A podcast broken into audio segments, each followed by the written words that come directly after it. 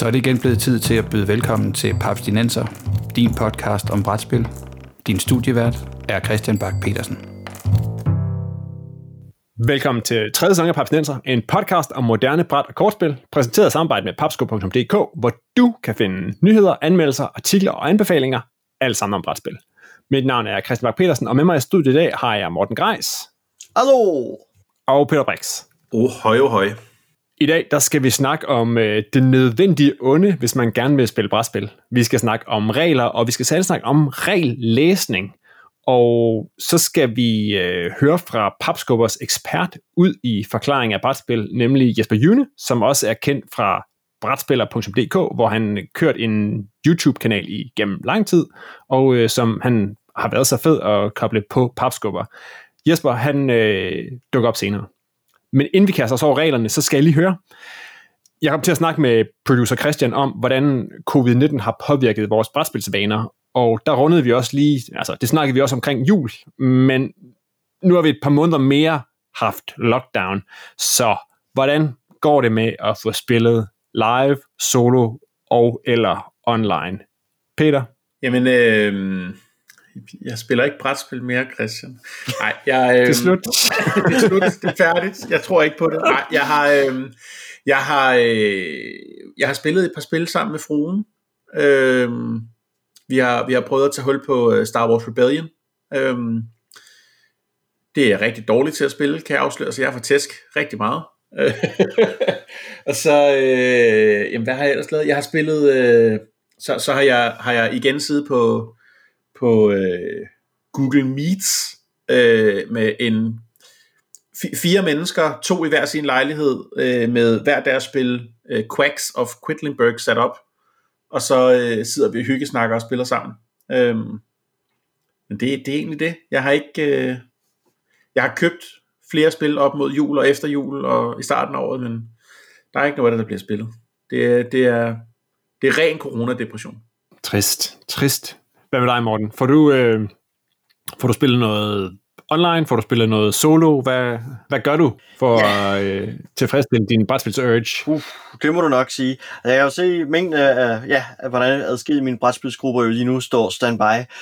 Så, og jeg får jo ikke spillet online overhovedet, så jeg har fundet øh, spillene frem, der har forskellige solitaire-funktioner, så jeg har fået kigget på nogle af de brætspil, jeg har, som har en solitaire-funktion, og så har jeg haft det held at få både Etherfields og Tainted Grail ind ad døren her øh, lige før jul. Oh. Så Øh, så jeg har jo haft brugt noget af de sidste par uger her også på at åbne de kasser og dykke ned i, øh, i dem og se, at der er mange timer spil foran mig. Så, øh, så nu har jeg faktisk så, så spillet en smule af, øh, og så som sagt øh, kigge på solitaire-funktioner i nogle af mine andre spil, for normalt så sidder jeg bare og kigger i og siger, at der er også et afsnit om solitaire, men det ignorerer jeg og rykker videre. ja, jeg har jo venner. Jeg kan jo gå ud. Jeg kan jo spille med alle dem, jeg har lyst til. De oh, det kan jeg huske, har Tainted Grill en, en, en solo-funktion? Uh, absolut. Det, det har det. Det er altså både lærings, eller, altså øh, det intro hvor man ligesom lærer spillet er helt klart sat op som en solitaire. Ja. Og øh, det er jo en, en øh, kooperativ øh, dungeon crawl til, eller det er ikke en dungeon, man kan være rundt i, men det er sådan en adventure game ting, og det gør sig egentlig ret nemt øh, som, som solitaire, øh, fordi ellers er det, i stedet for en eventyr, eller i stedet for fire eventyr, der går rundt og skifter til tur, så er det en eventyr, der bare går rundt, og så er man hele tiden tur. Det er meget rart. Ja, ja, okay. Og men min, min kammerat Michael, som jeg spiller med, han har nemlig også lige fået et, øh, et, et, en ordentlig bunke kasser ind med selv samme Tinted Grails, og øh, jeg, jeg, jeg er lidt spændt, om han bare har tænkt sig at sidde og kramme det selv, og, og ikke invitere andre indenfor det, det er der jo en risiko for. Han kan jo på den måde øh, nyde det. Altså jeg vil sige, nu er det mest Tainted Grey, jeg spillet. Der kan jeg jo se, at der er jo adskillige sådan eventyrdele, jeg ikke får spillet ved den her gennemspilning her. Så det gør jo også, at jeg kan starte en runde to op øh, med folk for eksempel. Øh, ja, mit liv blandt andet. Og så kan vi gå på eventyr en gang mere, fordi at der er dele af spillet, jeg øh, ikke har set, fordi man heldigvis ikke får set alt materialet, når man sidder og spiller igennem, og det er ret fedt. Cool. Ah, men jeg har jo, får jeg også spillet for lidt af, af de ting, jeg har stående. Jeg var jo fornuftig, jeg ikke ønskede mig nogen brætspil i år til jul, og fik så heller ikke nogen brætspil i år til jul. Øh, så, det, øh, så, så det problem har jeg trods alt ikke, men, men jeg får stadig, jeg, jeg kører stadigvæk ret meget på, på Yugatar, for spillet rigtig meget Carpe Diem, for spillet rigtig meget Castle Burgundy, og for at spille nogle af de her spil sammen med nogle andre folk, hvor vi så lige får hooket op på, på et Discord eller på et Skype-ting, så, så vi også sidder og har en, en social ting sammen, og det synes jeg egentlig, det fungerer okay, men ej, jeg vil stadigvæk virkelig gerne snart sidde og flytte på nogle meebles sammen med nogle folk. Mm. Ja. Nå, men i dag der skal vi snakke om øh, regler, og ikke reglerne til Tainted Grail. Vi har øh, tidligere i episode nummer 59, det er ved at være noget tid siden, Ui. snakket om formidling af regler, altså gode regelbøger, dårlige regelbøger, den slags. Men i dag der skal vi prøve at snakke lidt mere om regellæsning og det at lære regler. Og et hurtigt slag på tasken for jer to. For mange af de spil, som I tænker, at I sådan ville kunne sætte jer ned og spille med minimal forberedelse, har I selv læst og lært reglerne til, kontra har I fået nogle andre til at lære og fortælle jer om. Hvis vi nu siger sådan i procenter, hvad tænker du, Morten? Jeg har tænkt over det, og jeg tror, jeg vil sætte det på en, en, en 80 procent eller sådan noget. Og der er jo ligesom en, en før og efter øh, ting i det her. Der er jo fra jeg begyndte at spille game, øh, hobbyspil generelt, og så er der jo fra før, øhm, fordi der er en vis andel af hobbyspil, hvor, det, hvor, jeg, hvor nogle andre forklarer mig reglerne, så har jeg øh, lært spillet på den måde. Som regler har jeg så efterfølgende, eller senere også læst regelbogen. Men der er jo også en gruppe af spil, hvor jeg aldrig har læst regelbogen, men som jeg snit kan spille, og jeg er ikke rigtig sikker på, hvem der egentlig har læst regelbogen til. Altså Ludo for eksempel, Skak, Kalaha, lignende spil, ikke? altså Vest og så videre. Ja. Hvem har nogensinde læst reglerne til Ludo, ikke? Men ikke desto mindre, så, så er vi jo rigtig mange, der godt kan finde ud af at spille Ludo, og som regel også helt uden at stå op i reglerne, som jeg ikke har spillet i mange år. Så der er også en, en gruppe, gruppe af, af spil, hvad jeg skal sige, som jeg ikke spillede længere, og har ikke spillet i over 20 år, men som jeg snilt kunne spille, fordi jeg har fået fortalt reglerne, og derfor nemt øh, fået fortalt og spillet spillene, og nemt kan spille dem igen, uden at læse reglerne, og aldrig er kommet til at læse reglerne. Så, så jeg tror, det, altså, det hvor mange spil det egentlig er, det, det har jeg svært ved at sige, fordi det er alligevel en betydelig mængde, når man først begynder at gå op, nå, jeg sænker savskibe og fire på stribe og så videre, ikke? Øhm, så, så det er egentlig en betydelig mængde, men, men af hobbyspil, der, der næsten, altså, der læser jeg størstedelen af reglerne selv. Det er faktisk meget sjovt, at du nævner de der kortspil, ikke? fordi nu øh, lever vi i en tid, hvor man kan gå på internettet og øh, finde reglerne til Vest og til 31 og, og den slags. Alle de her spil, ikke? men altså hvis man hopper 30 år tilbage, før at internettet var øh, hvermands eje, ikke? så er det jo sjovt, hvordan de her spil, altså jo, man kan gå på biblioteket og låne en bog med de 25 mest populære kortspil og den slags, ikke? Ja. Men ellers så har jo vildt mange af de her spil, altså alt, der har noget med et standardsæt kortspil, de har jo været word by mouth, ikke, på en eller anden måde. Mhm. Det har jo været en, en, en, en, som noget, som nogen har lært videre til nogle andre, som de har lært videre til nogle andre, i vildt høj grad, ikke? Fordi ja. de regler, de har jo ikke sådan været, de kommer jo ikke med til et kortspil. Nej, nej, lige præcis. Ah, det er faktisk lidt fascinerende. Mm. Nå, Peter, hvad siger, øh, hvad siger du? Hvor, øh, hvor stor en del af, af, af de spil, som du sådan kan, kan, har du øh, selv øh, tærpet reglerne til? Jeg tror, jeg er et godt stykke længere nede. Altså, jeg vil næsten sige sådan noget 30 procent måske.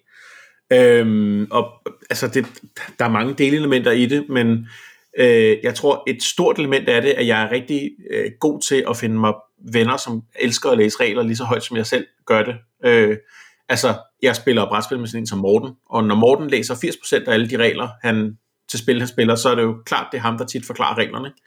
Øh, jeg har i min faste brætspilsgruppe, øh, den som Morten ikke er en del af, øh, der har jeg også en som min, min gode ven David, som er guru på Bastard Café, det vil sige, han kan alle spilregler i hele verden, groft sagt.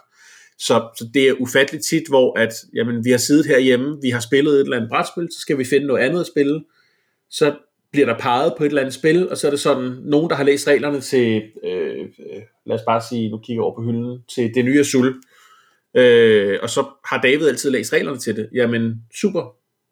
Så er det ham, der forklarer reglerne til det, i stedet for at jeg skal til at sidde og læse i regelbogen, hvordan man spiller et eller andet spil. Så jeg, jeg, jeg er bare velsignet af at være omringet af mennesker, der kan lide at læse regler og kan finde ud af at forstå regler. Ah, okay. Jeg tror også, jeg, jeg tror også personligt, at jeg er et godt stykke dernede af. I hvert fald, hvis det er sådan nogen, jeg skal sådan føle, at jeg kan. Øh, fordi altså, der er mange, hvor jeg sådan kan sige, altså, hvor, hvor, jeg ald- hvor jeg ikke har læst reglerne, hvor jeg, men hvor jeg sådan rimelig hurtigt kan sige, ja ja, når vi så vi lige har fået kridtet de fire basismekanikker op, så kan jeg godt igen, men og, det, og, og for det, altså, det kan jeg måske med, jeg ved ikke, så kan jeg det med øh, 40 spil, hvor jeg siger, ret hurtigt, så kan jeg get with the program og sige, jamen det er sådan her, det er sådan her, det fungerer, og nu efter en halv tur, så er jeg tilbage i det. Men der tror jeg måske, at der er jeg også nede omkring en, det ved jeg ikke, ja, 25-30 procent eller sådan noget. Og jeg tænker egentlig, at, at i, i min bekendtskabskreds, så er jeg jo måske en af dem, der har flest brætspil stående, så egentlig så tænker jeg, at jeg burde kende, kende nogle flere spil. Men der bliver jeg også nogle gange fanget af, ikke, at hvis man kigger på, på min liste over spil, jeg ejer ikke, så er der jo vildt mange af dem, som jeg ikke kan reglerne til. Mm.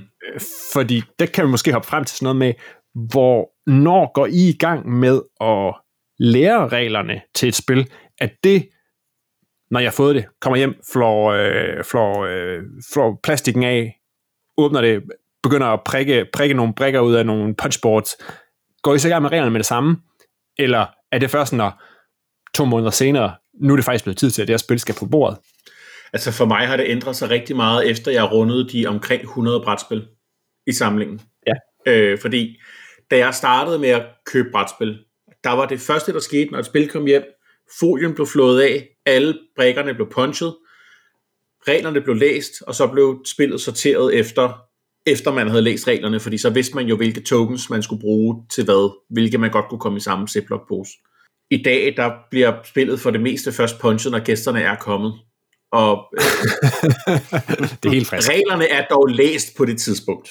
Altså, givet. Ja. Øh, men, men jeg læser sjældent regler, før det er planlagt, at jeg skal spille et spil. Så altså, jeg inviterer nogle venner over til, nu kom hjem til mig på lørdag, vi spiller Nemesis, så har jeg læst reglerne til Nemesis. Måske har jeg punchet det, måske har jeg ikke. Det kommer an på, hvor tungt spillet virker til at være. Hvis det er et tungt spil, så er spillet sat op, når de kommer. Hvis det er mere light, så ikke. Øh, men, men det er sørens hus med sjældent, at jeg læser reglerne før en uge før jeg skal spille spil, max. Ja.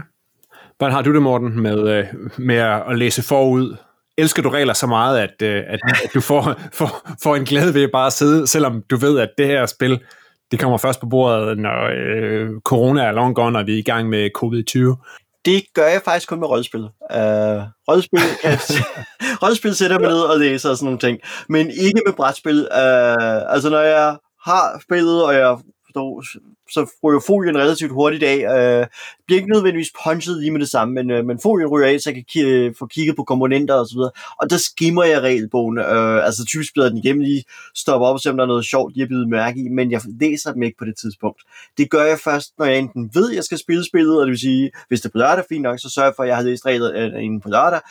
Øh, og ellers så sker det faktisk først, når på, øh, spillet skal på bordet, og det gør det også lidt, fordi den ene af mine spilgrupper, der mødes vi for eksempel på Bastard Café, og der er det først, når vi sidder på Bastard Café og siger, lad os spille det her spil, og så hiver vi noget ned for hylden, så er det sådan et, okay, jamen så skal der læses regler, fordi ellers så får vi ikke spillet, fordi så hiver vi altid noget nyt ned, øh, og typisk, ja, så spontant, så der er jo ikke nogen af os, der har haft en ringeste chance for at have læst noget op på det det er ikke så praktisk, men det er sådan, vi gør det. så, så der er en helt... så det er, det er ikke usædvanligt, at, øh, at jeg ligesom læser igennem, starter lige med at sige, okay, opsætningen, så uddeler jeg som regel opsætningsopgaven til de andre spillere, siger, okay, det ser ud til, at de her kort skal blandes, gør lige det, og så prøver jeg at læse gennem resten af regelbogen, mens de andre øh, så vidt muligt sætter spillet op. Ja. Det er jo det der med, at I sådan mødes og hiver noget ned, kan I godt finde på der, og så mødes på Bazaar Café, og så hive noget ned som i ingen af jer kan reglerne til at sige, nu tager vi lige, øh, nu sætter vi Morten til at lynhurtigt grind igennem reglerne, og så begynder vi andre at sætte op og sådan noget. Er det simpelthen sådan, I ruller? Ja, det er sådan, vi ruller, ja. Oh, ja. Det kan vi altså også godt finde på, Christian. Ikke, ikke, ikke nødvendigvis på Bastard Café, men det er bare fordi, jeg har ærligt talt svært ved at koncentrere mig på Bastard Café. Men, men, men altså, når vi mødes hjemme, hjemme hos nogen, så er det, det er tit med planen om, at vi spiller et eller andet spil, og så har vi spillet det spil, og så er, der, er klokken kun fire, og så er det sådan, når man, øh, skal vi finde et hurtigt spil i en aftensmaden, og så finder man, hiver man et eller andet spil ned fra hylden, som nogen gerne vil prøve, og Ej. altså 50% af gangene er der ikke læst regler til det, og så er der en, der bliver Ej. sat til at læse regler. Åh oh man, det der, jeg, det, det, vil jeg, det vil jeg virkelig have stramt med. så er det sagt, puha, der vil jeg Altså, altså det, 9 ud jeg af vil sige, det er blevet... Ah, men jeg vil altid forfalde til at sige, så, så vil jeg hive et eller andet, så, så, jamen, så vil jeg gribe til noget, jeg kunne ikke sige, jamen så, så skal vi spille for sager, eller et eller andet. Det der med, altså, det virker som et fuldstændig u- ubestigeligt bjerg for mig, at skulle sidde og, og læse igennem nogle regler. Og måske hvis der er nogen, der stod og var i gang med at lave mad eller et eller andet samtidig, så der er ligesom bare et break. Men, men bare sådan, ej, jeg får helt, øh, jeg, jeg, får, jeg får det helt dårligt af at sidde der og skulle grind igennem et, et sæt regler, mens der sidder nogle folk og siger, ja, vi kommer jo ikke i gang før, Christian, før du har fået forklaret det hele direkte fra bladet. Yep. Okay. Kunne du finde på at sætte en video på? Det har jeg gjort. Jeg, jeg har godt kunnet, altså jeg, jeg har flere gange sådan, når man øh, nu, øh, okay, vi kunne godt tænke os at spille øh, Cathedral, jamen fint. YouTube, House It Played, Cathedral, Enter, op på tv'et. Og så sidder vi alle sammen lige og kigger i kvarters regelgennemgang af Cathedral, og så er vi klar til at spille bagefter. Ah, mm, jeg- er okay med at få sendt et link inden, øh, inden man tager afsted, øh, inden vi mødes et eller andet sted, så vi siger, men hvis, hvis, øh, hvis, hvis, hvis jeg har fået at vide, vi skal spille det her spil, så er jeg faktisk så er jeg glad for, hvis der er nogen, der sender mig et how to. Altså det kan eventuelt være noget, man kan høre i bilen, altså hvor det bare sådan kører i baggrunden, så man lige får, får nogle termer kridtet op, og man ligesom får noget flow ind. Der behøver jeg ikke engang have en skærm på. Altså bare det med sådan, at der er nogen, der snakker, snakker der igennem spillet, det kan jeg faktisk virkelig godt lide. Og det synes jeg er rimelig flittigt til. Ej, jeg synes på en eller anden måde, det ville være mærkeligt at stoppe op og sige, nu bruger vi lige, ja, hvad tager en, en god uh, how to play på et light spil? Det tager måske kvarter, 20 minutter. Puh, det ved jeg sgu ikke helt om... Nej, det ved jeg ikke. Det ved jeg ikke, om jeg er helt solgt på heller. Nej, Nej, okay. Men det kan vi skal hoppe videre, fordi at det, det lyder som, at det er noget, det er noget, I bruger også. Det der med online regelforklaringer. Bruger I det også inden? Altså, jeg har nogle gange oplevet, at, at, at der har jeg blandt andet brugt, øh, brugt øh, Jespers kanal til at få nogle spil, hvor jeg tænker, der er simpelthen nogle ting, jeg ikke fatter, fordi reglerne er dårligt forklaret, eller jeg, ikke, øh, jeg er øh, lidt skilleret, når jeg læser dem, eller et eller andet, men hvor jeg bruger online regelgennemgangen til at simpelthen lige ah, få opkridtet nogle ting. Jeg ved ikke, hvor, hvor, hvor flittig er I til at, at høre sådan nogle, eller se sådan nogle how-to-play ting på. Jeg bruger det Hvor- aldrig. Så, altså, jeg har forsøgt at tænde nogle gange på YouTube i nogle enkelte tilfælde, for at finde ud af, hvad går det her spil, hvad er det her for et spil, hvad går det ud på. Men jeg taber altid lysten til rigtig at se de her øh, videoer, de, øh, de fænger mig ikke rigtig. Jeg, Øh, jeg, jeg, jeg tror nok, jeg bare ender i en position, hvor jeg tænker, "Jamen, så kan jeg også bare læse reglerne, altså, så stik mig der regelbogen, så får jeg det overgivet stået. Øh, så, øh, så, så lige den der online formidling, er, den er ikke for mig. Og det er sjovt, ikke? Fordi jeg har det virkelig sådan, at nogle gange, så kan jeg sidde og have læst nogle ting igennem, ikke? Og så kan jeg tænke, åh, oh, puha, det giver jo ingen mening. Men så ser jeg nogle andre folk, der bruger de samme ord i samme termer, og flytter rundt med nogle ting på et bræt og siger, nå, det var sådan. Altså, det har virkelig, der har virkelig været flere gange, hvor jeg har haft sådan en, sådan en, en, en mindre åbenbaring, og siger sådan, nå, det er det, de mente.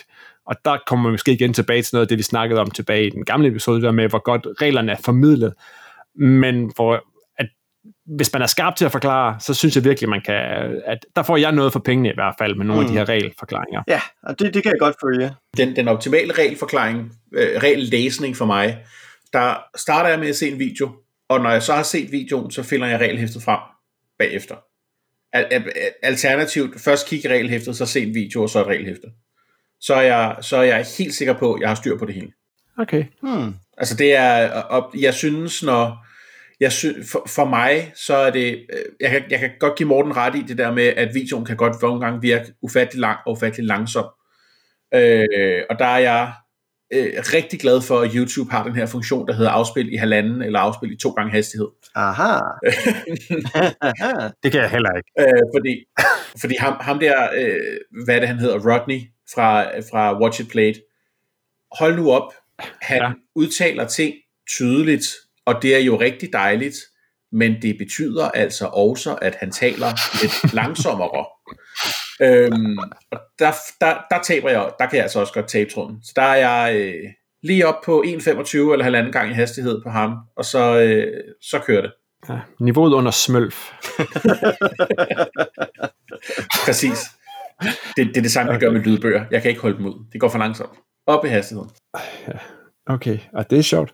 Øh, nå, men det ved jeg ikke. Altså, jeg, jeg har inden for, for de sidste 14 dage taget mig selv i at, at sidde og se en øh, 3,5 timer lang gennemspilning af Maracaibo hos øh, Heavy Cardboard. Fordi først gennemgår reglerne, det tager en time, så bruger de 3, to, to og en halv time på at spille spillet, og så vender de lige til sidst. Og bare lidt, men jeg føler bare også, jeg kan bare Maracaibo nu. Fordi det var super grundigt forklaret, og jeg blev ført igennem det hele, og alle de ting i regelbogen, hvor jeg tænkte, jamen hvordan, og det ene, og så, så jamen, jeg så nogle folk, der tydeligvis havde læst det grundigt, og måske også havde spillet det en gang før, inden de gik i gang med at forklare regler og sådan noget. Det, det gav mig noget i forhold til det her spil, som jeg egentlig sådan, også fordi det er sådan lidt, lidt stort, lidt komplekst, og lidt kampagne, og det ene og det andet, ikke? men da jeg så så det spillet ud, og de bare kørte de samme ture på den ene eller anden måde, ikke? og så sagde det, det ene det, altså, det, nailede den bare at sige, ah, okay, nu tør jeg godt give mig i kast med det, og jeg skal aldrig se den der video igen alligevel. Generelt, mit, mit bedste tip for, øh, jeg tænker også måske derfor, man har lyst til at høre det her afsnit, øh, mit, mit, mit bedste tip er virkelig at læse reglerne nogle dage før du skal spille spillet, pak dem væk, og så læs dem igen en halv time før du skal spille det. Fordi der er altid for mig er der altid en eller anden aha-oplevelse anden gang, jeg læser regelsættet. Men, men den får jeg ikke, hvis jeg læser det to gange lige efter hinanden. Det skal lige pakkes væk. Det er lidt ligesom at læse lektier. Altså, dengang jeg gik i gymnasiet, der skulle jeg også gerne lige, godt lige læse det, men det, der var altid et eller andet, jeg ikke fattede. Og så hvis det stadig ikke går, jamen, så kan du vente på, at læreren lige forklare det med et eksempel op på tavlen, parentes, se YouTube-videoen, parentes slut. se hvad Rado siger.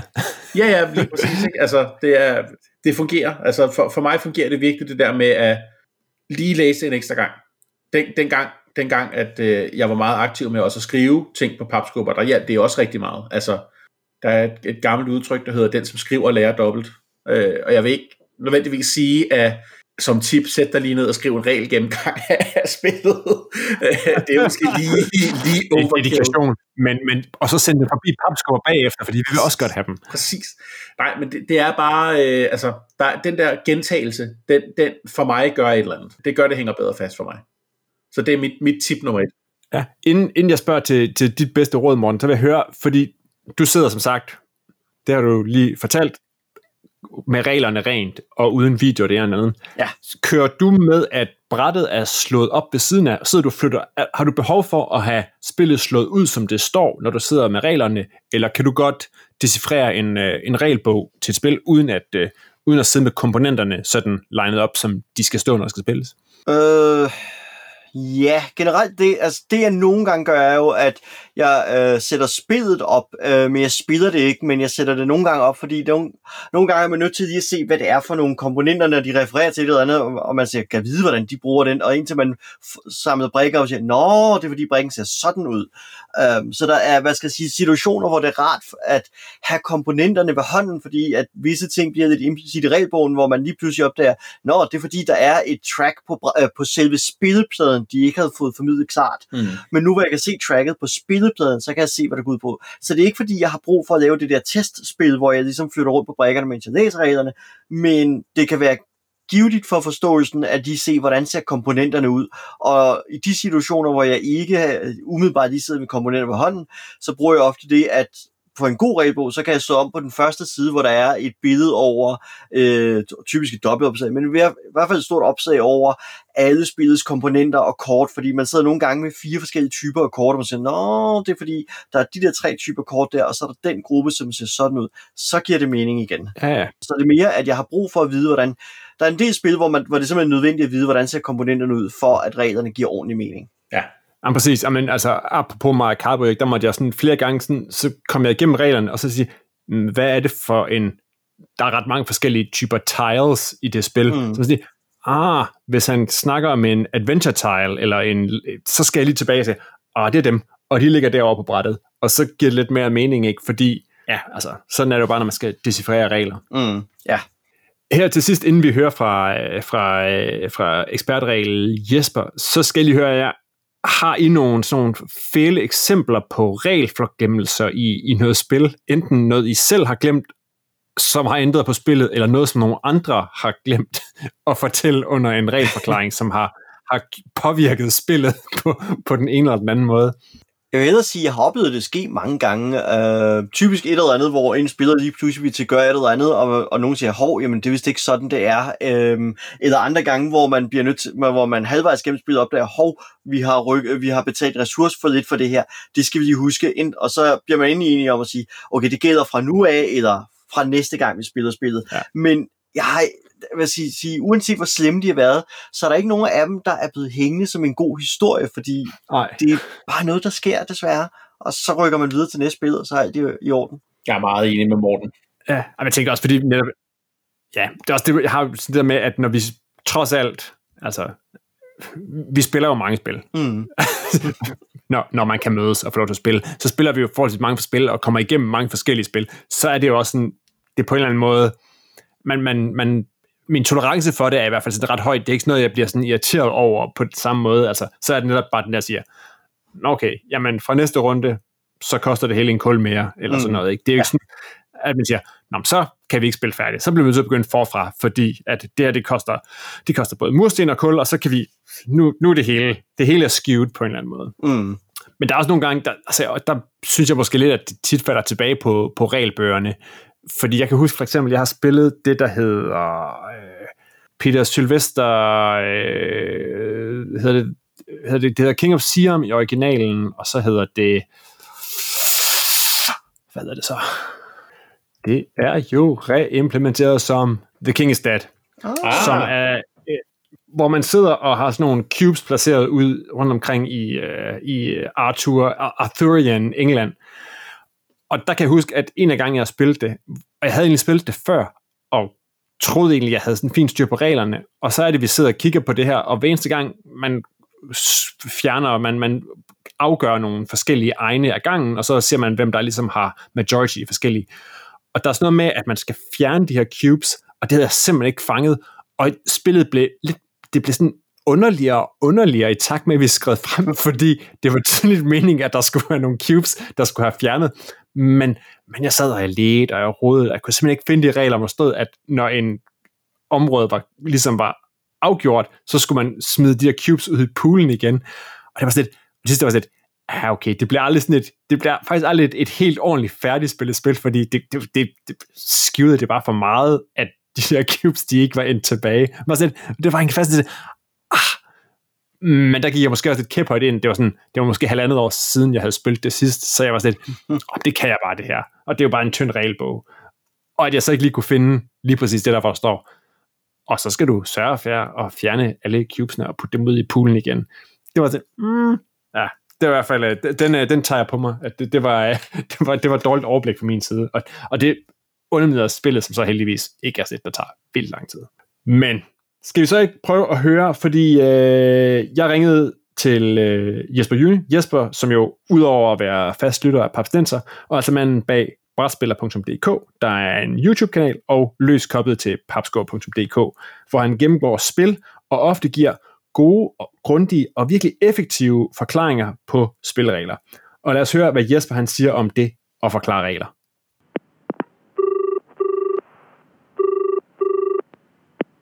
Jesper, velkommen til Papsnenser, og øh, tak fordi du vil være med her i dag til at, at snakke regler og regelforklaring. Selv tak, det er en fornøjelse at være blevet inviteret. Og Jesper, der er sikkert en del, der kender dig fra dine videoer, som du har, som du forklarer regler og fortæller om spil på, øh, på brætspiller.dk, og det kan være, at du lige vil kridte op, hvor mange videoer er det, du har op, sådan cirka, og hvad er baggrunden for, øh, da du startede den YouTube-kanal og hjemmeside? Jamen, øh, jeg tror, jeg har måske 350 videoer liggende deroppe. Øh, nogle af dem er så det samme spil skåret lidt op i nogle bidder. Men altså, baggrunden for, at jeg har den kanal, øh, YouTube-kanal, der forklarer videoer, det var egentlig, at jeg for, ja, det er en del år siden alligevel, købt øh, Robinson Crusoe, som er et øh, legendarisk spil, kendt for, at manualen virkelig er, øh, er dårlig. Og øh, det havde jeg så købt, og jeg kunne ikke rigtig finde ud af det, og så gik jeg på nettet, og så fandt jeg en YouTube-video faktisk, øh, Richard Ham, en der hedder, eller han kalder sig Rado, hvor han så gennemspiller det. Og lige pludselig kunne jeg så se, nå, jamen okay, det er sådan, de her ting hænger sammen. Øh, og så, så blev jeg glad for at se rent forklaringsvideoer på, på YouTube, og så, øh, og så hvad hedder det, kiggede jeg på hans kanal og fik købt alt, alt for mange spil. Og så på et eller andet tidspunkt, så sad jeg og overvejede, er der nogen, der gør det her på dansk? Og så kiggede jeg lidt rundt på, på YouTube for at se, om jeg kunne finde, om der var nogen, der gjorde det på dansk. Og øh, jeg kunne godt finde nogen, men tit så var det sådan nogle ret korte videoer, sådan måske lige et par minutter, der bare gav en fornemmelse af det. Og så tænkte jeg, hmm, det kunne da være, at jeg skulle prøve at gøre det. Og så sådan på ægte YouTube-manér, så kaster man sig ud i det og prøver at gøre det ene og gøre det andet, og det gjorde jeg også. Og så efterhånden som årene er gået, så falder formatet sådan mere eller mere i hak. Øh, skulle jeg gøre det håndholdt? Skulle det være, jeg fandt ud af, at jeg kunne bedre lide at have et stativ, så det blev sådan helt øh, øh stabilt og pænt og den slags ting. Skulle jeg for eksempel en af mine tidligere idéer var, skal jeg, skal jeg hvad hedder det, skal jeg sætte hele Arkham Horror op med alle udvidelser, både de store og de små, og så gennemspille det med alle udvidelserne på en gang. Øh, hvilket jo i sig selv er en, en vanvittig idé. Men, øh, men hvor man så kan sige... Et vanvittigt at, projekt. vanvittigt projekt, men så sad jeg sådan og tænkte ved mig selv, hvad er det egentlig, jeg glæder ved det her? Altså, er det er det, det værd? Er det ikke bare utrolig mærkeligt at, at gøre det her? Så, så, så det kom jeg lidt, lidt væk fra. Og så begyndte jeg i virkeligheden bare at vise, hvordan man spiller nogle videoer, øh, eller, eller hvordan, man, selvfølgelig ikke, hvordan man spiller nogle spil, øh, og, øh, og hvad jeg synes om dem, og den slags ting. Der, hvor jeg er ved at bevæge mig hen, det er der, hvor at jeg har fundet ud af, at det, som fungerer godt, det er, at jeg kort og præcist forklarer, hvordan man spiller et spil. Og det er, fordi det giver noget videre til folk. Folk, øh, hvis de skal spille Ticket to Ride Europe for eksempel, så kan de gå ind og kigge min video på 12 minutter, forklare dem, hvordan spiller man det her. Og det kan jeg bare mærke på den feedback, jeg får fra folk, at det er der rigtig, rigtig mange, der er glade for, øh, at jeg gør, og øh, det hjælper folk. Så det er sådan der, hvor jeg egentlig synes, mit fokus er nu. Okay. Jeg har også anmeldt spil og reviewet dem, og jeg synes også, at det kunne jeg synes også, der er et eller andet der, men det, det er lidt sværere, man skal have spillet et spil mere, og man skal kende det rigtig grundigt for at, synes jeg, for at ligesom kunne sige det. Og så på en måde skal man også lidt kunne lide det. Øh, ellers så, så bliver det sådan lidt øh, en trælsopgang måske at snakke om. om det. Ja. Men nu nævner du Ticket to Ride Europe og sådan noget. Jesper, når man har lavet så mange videoer, som du har, har du så sådan en, en, en måde, du udvælger spil på, og siger, skal de have en vis bred appel? Skal det være ting, du selv synes er sjov? Ja, det henter du så lidt af nu. Eller kunne du godt finde på at gribe et eller andet lidt mere nicheagtigt, som man måske ikke kan købe i butikkerne mere, øh, hvis du synes, det er sjovt? Eller, eller har du et eller andet udvalgskriterie på, på de spil, du, du lægger op? Altså, jeg vælger nogen som regel, som jeg godt selv kan lide. Men jeg er faktisk gået lidt væk fra at tage sådan nogle nichespil, fordi typisk så, så rammer det ikke særlig bredt, og hvem er det egentlig, jeg glæder med det her? Altså, og jeg kan se, det der i virkeligheden øh, giver mig motivationen ved at lave de her videoer, det er, at der er mange, der ser dem. Altså det synes jeg er fedt. For eksempel Ticket to Ride 15.000 gange er den blevet set. Det synes jeg er rigtig fedt, at så mange mennesker er kommet i gang med Ticket to Ride, fordi jeg har forklaret, hvordan reglerne var. Ja, jamen det er da også cool. Jamen Jesper, skal vi så ikke dykke lidt ned i, hvordan du faktisk øh, kaster dig over regler, når du går i gang? Fordi som sagt, nu formidler du regler til rigtig mange mennesker, men det skal, de skal også starte afsted. Du skal jo også have dem, have dem ind under huden reglerne. Så, så hvad gør du, når du får et nyt spil, og skal lære reglerne?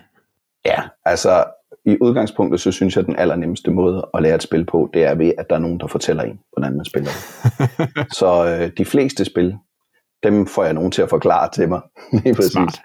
Øh, og, øh, og hvad hedder det, hvis jeg ikke har den mulighed, så øh, surprise, øh, så går jeg på YouTube og ser, om jeg kan finde en video, der forklarer mig, hvordan øh, man spiller spillet. Så ja, jeg bruger sådan set i går sådan mig selv til, at, til min egen metode til at, at lære, hvordan man spiller et spil. Okay. Der vil jeg typisk tage et spil, øh, eller en video, der, der, hvad hedder det, der bare giver sådan et overview af, hvordan, man, øh, hvordan flowet i spillet er. Ja, og det kunne så for eksempel være Dice Tower, når Tom Bassel han gennemgår et spil på et øh, 10 minutter til et kvarter. Det vil være den type, du dykker ned i først. Ja, lige præcis, for så får jeg sådan lidt en følelse af, hvad er det egentlig, det her spil går ud på? Hvad er sådan de overordnede øh, ting i spillet? Og øh, nogle gange så ser jeg måske Rado, fordi han, han spiller sådan meget intensivt, øh, og man ser de rigtige ryg. Han forklarer ikke så meget, han spiller bare, det kan også være rigtig godt. Og så er der jo selvfølgelig øh, for mig kongen over dem alle, øh, Rodney Smith, som har Watch It Played, øh, som for øvrigt han er vist endda blevet ansat af Board Game Geek, og han øh, forklarer virkelig godt, øh, hvordan man spiller spil. Øh, og så er han kanadier, og jeg har selv boet i Canada på et tidspunkt, så, så det er jo et lille... Øh, se, hans, se hans video om, øh, om øh, Mice and Mystics, og høre ham sige mouse hele tiden, det er helt fantastisk. Jeg synes bare, han er lidt langsom, så det er tit, når jeg ser hans videoer, jeg lige sætter den op på en anden hastighed, fordi ellers så bliver det simpelthen for, for langsomt. Okay, cool. Og hvad er det så, der sådan gør, gør ham god? Og hvad, fordi hvad er det, du har brug for, hvis du skal, skal se en, en god video, som, som giver dig noget? Altså flowet i sådan en video er i virkeligheden også det samme som flowet, når man skal sådan forklare et spil. Og, øh, og hvad hedder det? Det er jo klart, når man laver sådan en, en regelforklaringsvideos på den måde, han gør, og sådan som jeg også bruger, så er man nødt til lige at starte med at vise, hvordan man sætter spillet op. Hvad for nogle kort skal blandes, og hvor skal brækkerne stå, og den slags ting. Det er man lige nødt til at gøre fra start. Hvis det er sådan en live situation, hvor man skal forklare folk et spil, så sætter man selvfølgelig bare alt det der op først, så det bare står klar, inden man går i gang. Og så er det ret essentielt lige at starte med at fortælle, hvad er det egentlig overhovedet, det her spil går ud på. Fordi hvis man ikke starter med at sige øh, sådan lynhurtigt, det, man får point på den måde, og, og den, der har flest point til sidst, vinder, hvis det er nu sådan den klassiske Eurogame, så kan folk sidde og tænke over, hvad er det egentlig, det her går ud på. Og så, øh, og så, øh, så tager man det simpelthen i sådan en, en stille og rolig opbyggende måde, hvor man tager skridt for skridt, tager det simple først. Hvis man nu skulle tage, jeg har lige lavet en video af, af hvad hedder det, Katan, ikke? Start med at forklare det der med, at man bygger veje, man bygger huse, der, der er ressourcer, dem får man med det der terningrul, mens de her fremtidskort, der er, som er sådan noget special actions, altså dem gemmer man bare lige til sidst, øh, og så tager man dem og lægger dem ovenpå, øh, sådan så man stille og roligt får bygget sådan en viden om, hvad er det basale i det her spil, og så kan man tage de der glasur på kagen, eller ekstra krummelurer, der er i sådan et spil til sidst. Øh, også fordi det basale er i virkeligheden også typisk det, der er vigtigt, når man, når man skal spille sådan et spil. Kan du mærke selv, at, når, at du er, nu bliver jeg kommer til at hoppe en lille smule, at, men at du er blevet bedre til at fange, hvad der ligesom er, er det essentielle, hvad, hvad grundbrækkerne er i det her? Fordi det synes jeg jo nogle gange, at det jeg kan, når man åbner sådan en, et, et brætspilskasse, så kan man sige, hvad er det, jeg skal have fokus på her? Kan du, kan du efterhånden lure det, når du, øh, når du sidder og kigger i, øh, i en regelmanual, måske efter at have set en video og sige, ah, det er det her, det er det her flow, det er den her måde, jeg skal, skal forklare de her regler på? Ja, altså det, det synes jeg godt, man kan. Altså kvaliteten af manualer er jo meget svingende, faktisk, øh, synes jeg. Og det, det kan egentlig godt undre. Altså i virkeligheden skulle folk blindteste deres øh, manualer lidt mere, end det de måske gør. Det, der typisk er det helt centrale i sådan en manual, det er de der, hvad gør man, når det er ens tur? Øh, og nogle spil gør det godt, hvis man, altså en ting, jeg synes øh, kan være rigtig godt, det er, hvis de har de der player et tit, så kan man lige se på dem, bum, bum, bum, bum, det er det her, der sker hver gang. Og nogle af dem endda, jeg tror Pandemic har den der tryk på, øh, på selve brættet, ikke? hvad er det for nogle steps, der er, og det er tit der, at essensen af et spil er. Så det gælder om at fange det hurtigt, og så se de der ting, der er, der er rundt om, øh, rundt om øh, spillet bagefter. Få, få grundessensen af det der hvis man skal sige noget om gode og dårlige manualer i forhold til hinanden, så, så, er, det, så er det jo typisk klart, at man skal lige starte med at forklare, hvordan skal spillet sættes op. Når det er så gjort. Det behøver egentlig ikke nødvendigvis være en forklaring, men det, det er tit en meget god idé, hvis man giver nogle steps. Først gør du det, så gør du det, så gør du det, så gør du det. Fordi nogle gange kan det faktisk godt betyde noget i et spil, hvilken rækkefølge man gør i. Hvornår, øh, hvis, nu tager jeg bare Pandemic igen, det er der mange, der kender ikke også. Altså, hvornår øh, finder man ud af, hvilke byer, der er inficeret? Øh, det finder man ud af man, øh, først, og så finder man ud af, hvad for nogle kort man har, for eksempel, og så vælger man, hvilken karakter man skal spille. Det, det er der nogen, der, der, hvor det er vigtigt for, fordi det kan være afgørende for, hvordan selve flowet af spillet, spillet er. Så, så, så det er en god ting. Og så, øh, så når man gennemgår sådan nogle turns, eller hvad det nu måtte være i spillet, så er det rigtig vigtigt at have nogle eksempler. Og det må godt være de eksempler, som man kan blive i tvivl om. Som så ligesom step for step for siger, det er sådan her reglerne er, og nu skal du se hernede i en lille boks, der er der et eksempel på, at nu har, øh, nu har Christian trukket det her kort, og der står et grønt syvtal der, det betyder det, og et blåt femtal dernede, det betyder det, og derfor så kan han gøre sådan og sådan og sådan.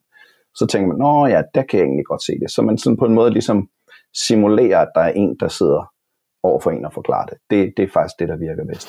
Jeg kan også sige om noget, som ikke fungerer særlig godt. Øh, et spil, jeg har prøvet, This War of Mine, det synes jeg var et virkelig godt spil, og det var faktisk et spil, der var så rørende, at det fik mig til at, at knibe en tårer undervejs, fordi det er virkelig, virkelig tung storytelling. Men der har man valgt, at manualen er ligesom noget, man skal udfolde i løbet af spillet, og man læser sådan nogle sider, der er sådan en helt bog med tusind forskellige entries, og nogle af de entries er nye justeringer af reglerne.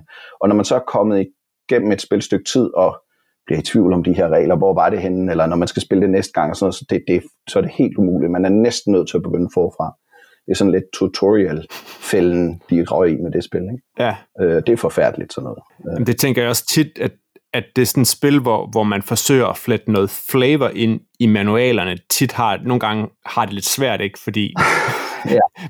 måske det er bedre at lægge historierne bagved. Altså jeg kan selv, jeg selv spiller, når jeg har haft uh, Galaxy Trucker fremme, som jo egentlig er et forholdsvis enkelt spil, hvor man godt kunne kridte reglerne op på en to-tre sider, men, men der skal smides, der bliver smidt så mange øh, små øh, sjove kommentarer og, øh, og mærkelige rækkefølger ind og sådan noget, at det, det er bare ikke en særlig logisk regelbog at gå til, selvom spillet faktisk, når man koger det ned, ikke er specielt uoverskueligt, så kan man faktisk, så, så sidder jeg altid lidt den frem tilbage.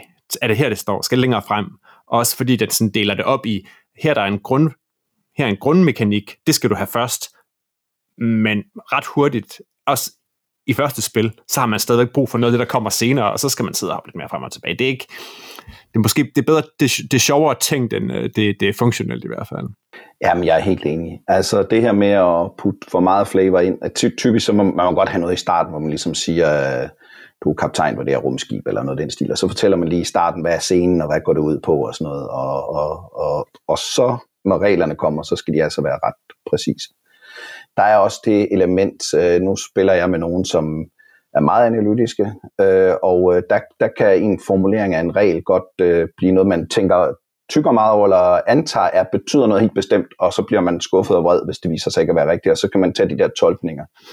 Det er vel også noget, nu har jeg ikke spillet så meget Magic the Gathering, men der er jo også noget med de tekster, det er rigtig vigtigt, hvad for nogle ord, der står, for det betyder faktisk rigtig meget. Ja. Og der, der skal man altså have nogen til at læse igennem og prøve, at deres øh, hjertes overflod og misforstå reglerne øh, så meget de overhovedet kan, og fortælle en, hvor ting kan misforstås, ja. øh, for at gøre den rigtig god. Ja. Men Jesper, når du, når du sidder med sådan en regelbog og, og skal gennemgå den, er der så noget, som du sådan siger er, er de særlige eksempler på gode ting eller dårlige ting? Hvad, hvad, hvad er en virkelig god regelbog for dig? Eller noget, som giver dig en, en god proces, som skal føre videre til, at du kan formidle brætspilsoplevelsen videre til de folk, du spiller sammen med. Fordi det virker som, det, det er dit ansvar som oftest. Det, det er faktisk, øh, nu, nu sidetracker jeg måske, men det er faktisk rigtig tit mig, der skal forklare reglerne, når vi, nogen skal spille. Øh, og det, øh, det alle kigger på mig. Og det, der faktisk er lidt underligt nogle gange, når jeg sidder sammen med nogen, der skal spille, det er, hvis nogen andre begynder at forklare reglerne. Fordi så sidder jeg sådan, jamen hov, hov, det, det, det er jo mig, øh, det kunne jeg gøre, hvorfor gør de det? Men det jeg så faktisk nogle gange gør det, så trækker man selvfølgelig lidt tilbage. Man skal jo ikke være sådan en, der sidder og, og ko forklarer regler. Det, det er næsten det værste. Ikke? Så sidder jeg faktisk og lytter, og så sidder jeg og tænker, åh, nu siger han det, nu siger han det, eller nu siger hun det, nu siger hun det. Jeg ville nok have gjort sådan og sådan, og sidder og kan sådan trække mig lidt tilbage og lægge mærke til det. Jeg håber ikke, jeg fornærmer nogen, hvis jeg siger, at jeg så en, en gang en gennemgang af Coimbra, øh, hvor der er virkelig mange regler i. Øh, og, og, og der er sådan fire rækker, hvor man kan byde hver runde, og tre af de tre nederste, de fungerer fuldstændig ens og er sådan grundessensen af spillet. Den øverste række, den er helt anderledes. Man byder i den omvendt rækkefølge, og der er noget med nogle speciale opgaver, man kan få alt muligt. Den er helt anderledes. Og da han, ja undskyld hvis han lytter med, da han startede med at forklare den, så startede han med den øverste række, og der sad jeg faktisk og tænkte, Nej, nej, nej, nej, nej, nej. Den skal man springe over. Man skal tage de tre nedenunder, og så tage den bagefter, fordi ellers så forvirrer man simpelthen folk, der slet ikke ved, hvad det her spil går ud på. Coimbra også spillet, hvor man til allersidst siger, og så er der for et set collection med i spillet. Men, men rolig, I, I kan godt overskue det, når vi går i gang. I behøver ikke, I behøver ikke flippe helt ud nu, fordi det er virkelig et spil, hvor det er man en bonus. 38 forskellige ting ned i. Ja, det er præcis, så man skal også, man skal også øh, passe på, hvordan man gør det.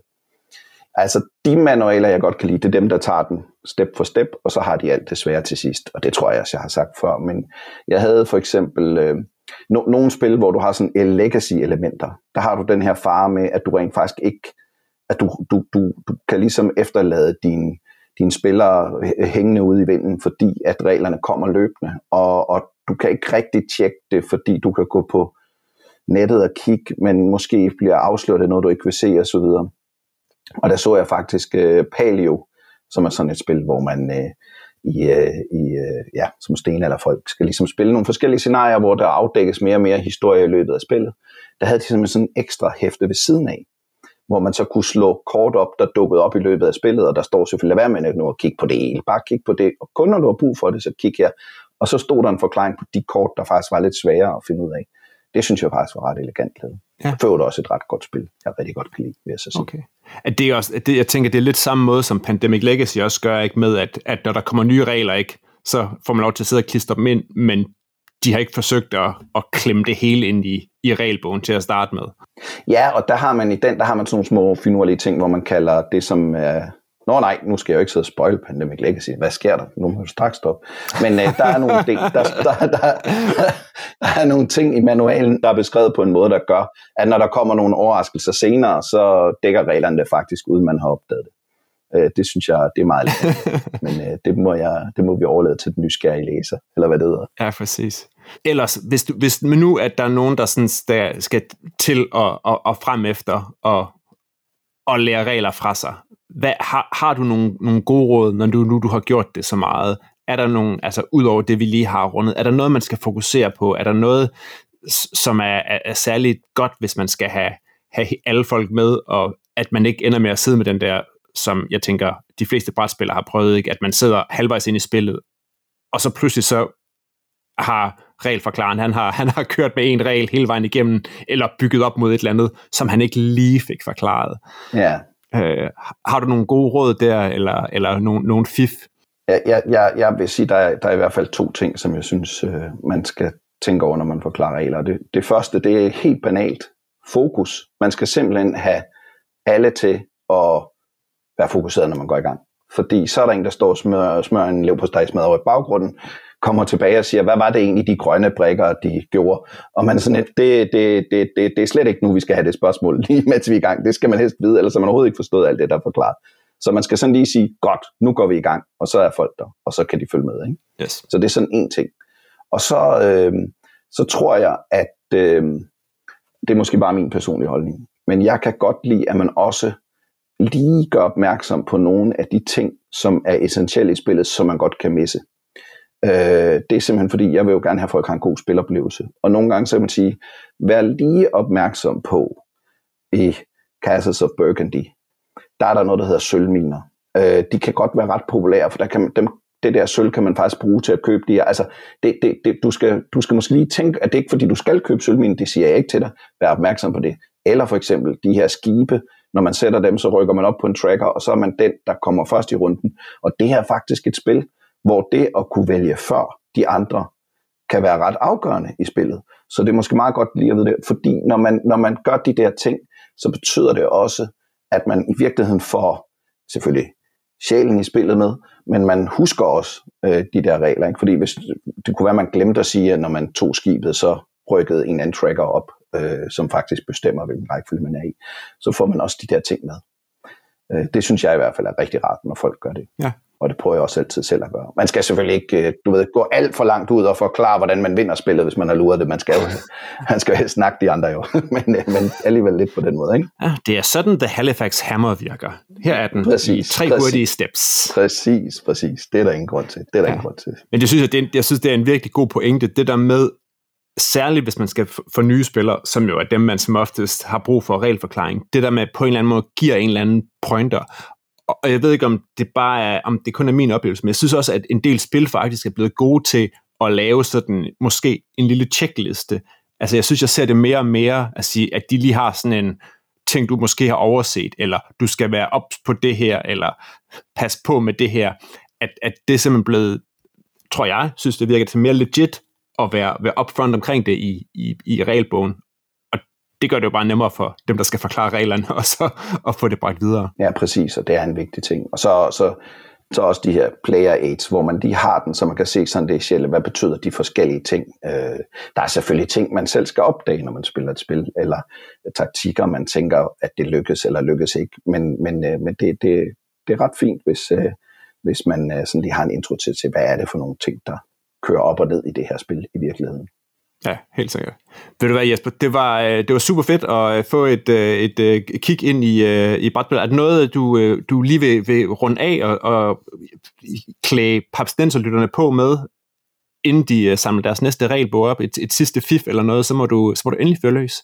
Nej, jeg tænker bare, at uh, mit gode råd vil være at gå ind og se, om, uh, om der er lavet en video af spillet inde på brætspiller.dk. Det, uh, og så må man selvfølgelig gerne skrive til mig, hvis man har forslag til det. Der kommer hele tiden flere nye til. Ja, men det gør det, det gør det. Og faktisk det sidste, det sidste, jeg blev spurgt om, det var, om jeg ikke ville lave en, en, en video til Cluedo. Uh, så den går jeg lige og tykker lidt på, og tænker alligevel, det, det, det er jo ikke komplekse regler øh, så, så det burde kunne lade sig gøre. Nej. Øh, men, øh, men det skal jeg lige tænke over. Jeg har faktisk ikke et Cluedo, som er i en tilstand, som kan filmes, så, så det kan godt være, det ikke det, bliver, det bliver ikke lige den næste, jeg får lavet kan man sige. Ej, okay. Men det er sjovt at tænke, ikke, at der netop kommer requests på, på, på på old school spil, som, som det er også ikke, fordi, altså, jeg går for, at man godt kan gå ned og købe et Cluedo, men, men det er jo ikke sådan et, jeg vil sige, det er ikke, det er ikke et Pap for eksempel har rundet, men igen, at, at netop, at det er din, det er din Ticket to Ride, der har rundet de 15.000, det giver jo det giver jo perfekt mening, kan man sige. Ja, det er sjovt at se, hvad det er for nogen, der er allermest uh, set, og det er faktisk sådan som Ticket to Ride og Codenames, og sådan nogle af de her øh, gode spil og jeg har ikke spillet Katan særlig meget, men jeg har faktisk lavet videoen på Katan, fordi jeg ved, der er vildt mange mennesker, der spiller Katan, og egentlig gerne vil have det. Så jeg tænkte, hey, hvordan kan man give lidt, give lidt tilbage til dem, der, der sidder der og tænker, at, øh, at det, det skal være deres, det, det der nye med moderne brætspil. Det kunne, jeg har hørt det der Katan, det skulle være godt. Der, der har jo en lille diskussion om, det hed Settlers of Catan engang og sådan noget, men, men at øh, så kommer de i gang, og så får de lige set en anden video, og pludselig så sidder de jo og spiller øh, Yggdrasil Chronicles eller et eller andet vanvittigt bagefter, ikke? Så jo, jo. Ja, det er fedt. Ved du hvad, Jesper, du skal have tusind tak for din uh, public pub service. Uh, det, det er super fedt, at du, du laver de videoer. Uh, tusind tak, fordi du vil være med her i Papsnenser også. Tak, fordi jeg måtte være med. Det er jo altid en, en ære at være med her. Tak til Jesper for at være med i podcasten, og ikke mindst for at køre brætspiller.dk. Og med det, så er vi nået til slutningen af den her regeltunge episode af Papsnenser. Find links til de spil, vi har snakket om, samt tidligere episoder på papsnenser.dk eller papscore.dk-podcast. Husk, at du kan støtte Papsnenser på tier, så kan du med i lodtrækningen næste gang, vi udvælger en lytter, der kan vælge indholdet af en bonusepisode, som er gratis for alle. Hver en krone fra tier bliver brugt på hosting, bedre optageudstyr og promotion af brætspil som hobby. Du kan finde Papsnenser på Apple Podcast, på Spotify, på Podimo, eller hvor du ellers sender din podcast, og så er vi på YouTube. Har du indspark til Papsnenser, er du altid velkommen til at sende os en mail på papsnenser Med mig i studiet i dag var Morten Greis og Peter Brix. Jesper June var med fra Brætspillerstudiet. Papsnenser er produceret af Bo Jørgensen, Christian Beckmann og Mike Ditlevsen. Mit navn er Christian Bak petersen og på vegne af Papsnenser håber jeg, at øh, regelrytteriet kører for jer.